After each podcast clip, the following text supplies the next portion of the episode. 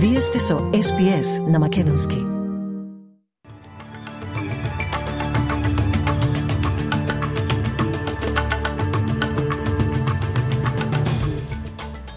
Од денешниот билтен вести издвојуваме.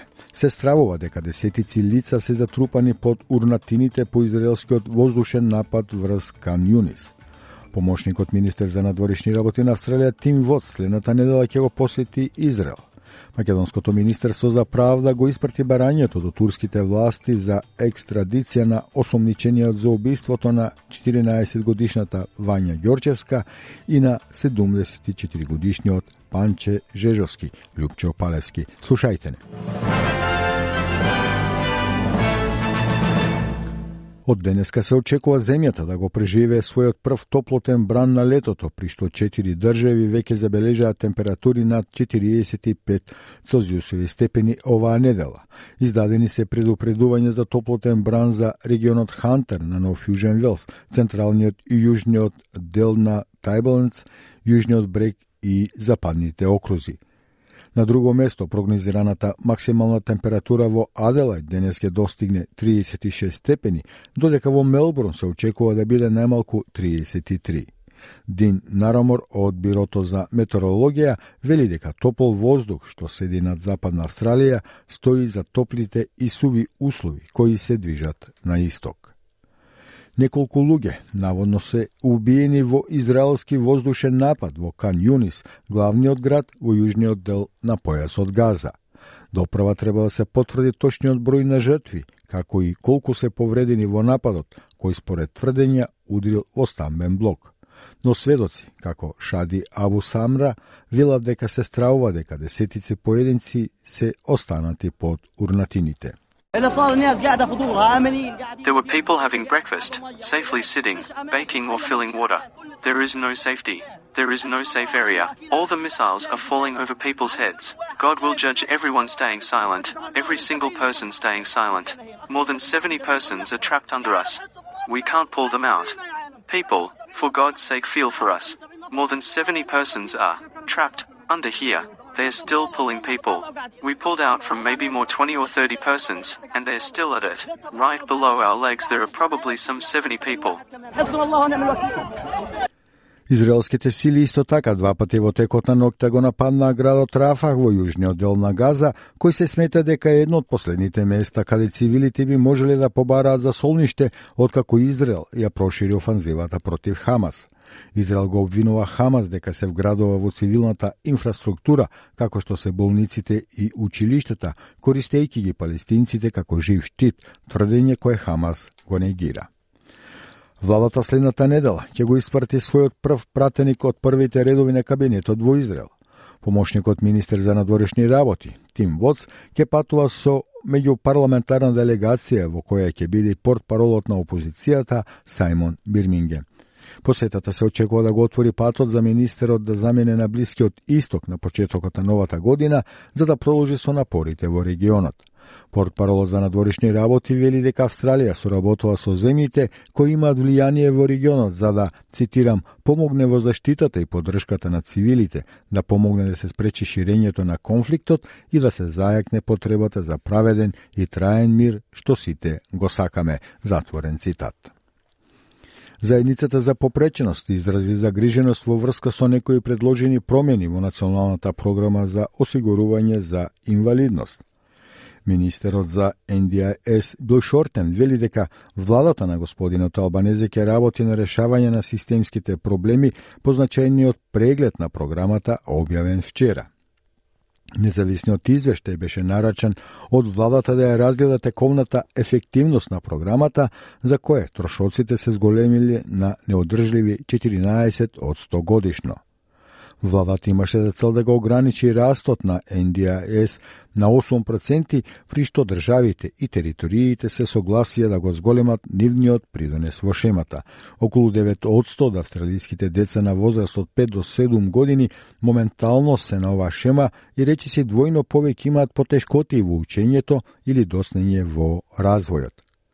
Сепак шефот на заедницата за попреченост изрази загриженост во врска со некои предложени промени во националната шема за осигурување за инвалидност. But what we do know is the government are determined that there are too many children in the scheme and that for some of those children they would be better supported outside the NDIS. And hence they're going to shift that cost over to the states. But at the moment we just don't know whether the states are ready to pick up that ball and run with it. Македонското министерство за правда го испрати барањето до турските власти за екстрадиција на осомничениот за убиството на 14 годишната Вања Ѓорчевска и на 74 годишниот Панче Жежовски Лјупчо Палевски. Оригиналниот документ е испратен и до турското министерство за правда и до Интерпол. Македонскиот министер за правда Кренар Лога очекува целата постапка за враќањето на прво осумничениот Палевски да се одвива брзо и тој да биде изведен пред органите во Македонија. Вчера беше подпишено од моја страна, исто така сите списи од Министерството беа преведени на турски јазик. Денеска до крај на работен ден, исто така и од јавното обвинителство ќе бидат преведени и денеска ќе биде пуштено и преку електронската поста и преку нашата амбасада. И од това јас верувам дека за релативно кратко време ние ќе добиваме позитивен одговор и осемничениот ќе биде меѓу нас. Климатскиот самит КОП-28 влезе во својата втора недела, при што фокусот најверојатно ќе биде ставен на техничките аспекти на преговорите. Дискусиите беа фокусирани на така наречениот Global Stocktake, глобални залихи, статус за тоа каде се наоѓаат нациите со исполнување на нивните климатски цели за ограничување на затоплувањето на 1,5 степени Целзиусови во споредба со прединдустриското време и како можат да стигнат до целите.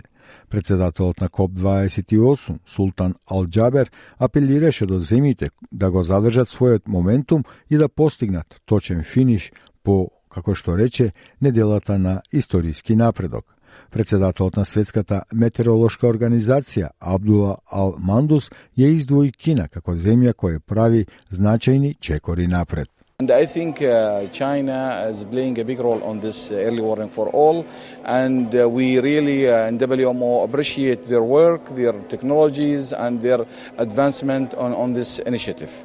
I think uh, China is doing a good, a great job on this, and they are taking really uh, things are uh, uh very seriously with the uh, uh, solar power and the renewable energy, and I think they are going in the right track. Yes.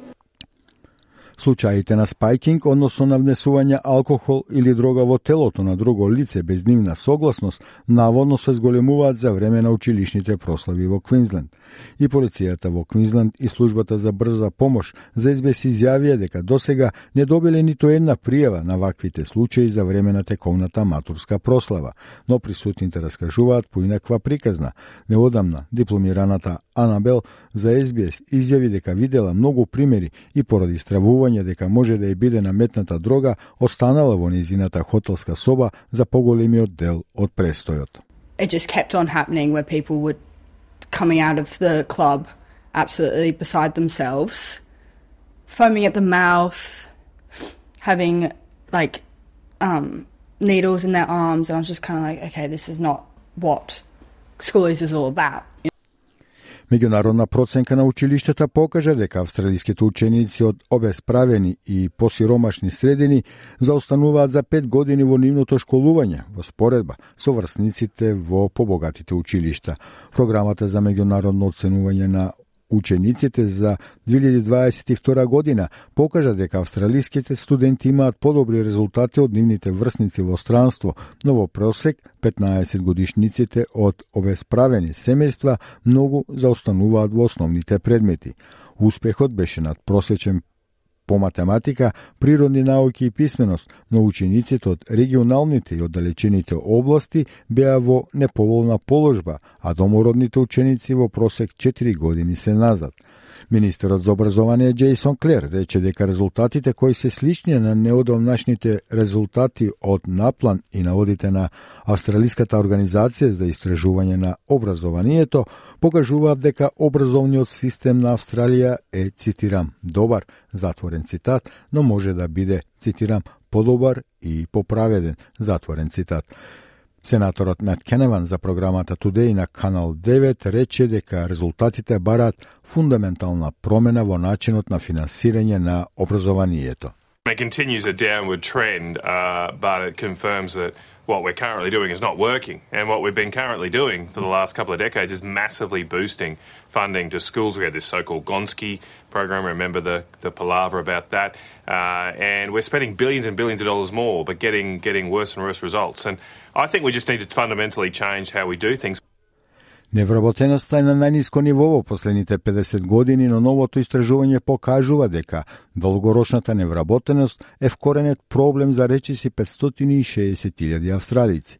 Годишната слика за достапност на работни места објавена од Енглике мери колку работни места се достапни за луѓе без признати квалификации или работно искуство. Утврдено е дека за секоја почетна работа во моментов има 26 луѓе без работа, а оние кои најверојатно ќе бидат погодени се постари австралици, мигранти, лица со попреченост и оние кои не завршиле средно училиште. Извршната директорка на Ангике, Кейси Чемберс, вели дека начинот на кој се пресметува невработеноста ја крие вестинската големина на проблемот, бидејќи луѓето кои работеле два часа во последните 6 месеци се сметаат за вработени. Why we do this report is just to pull back the, the blanket, if you like, and find out what's underneath that headline unemployment figure. And what we can see is that no matter how strong the economy is and how low the headline unemployment figure is, there is a group of Australians who are being left behind in this conversation who have extra barriers for them getting into the workforce. That the longer you're out of work, the harder it gets to, to find work.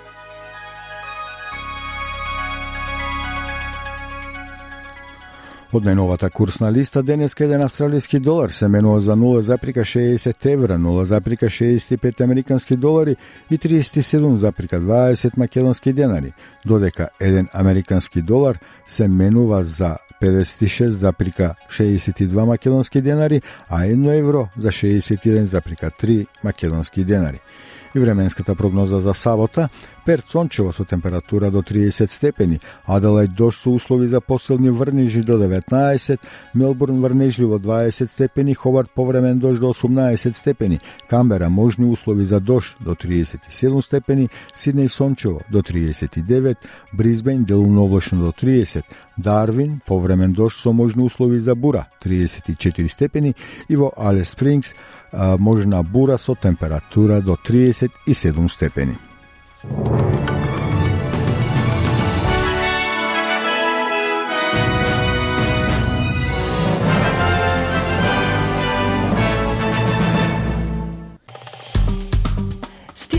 ми се допаѓа, споделете, коментирајте.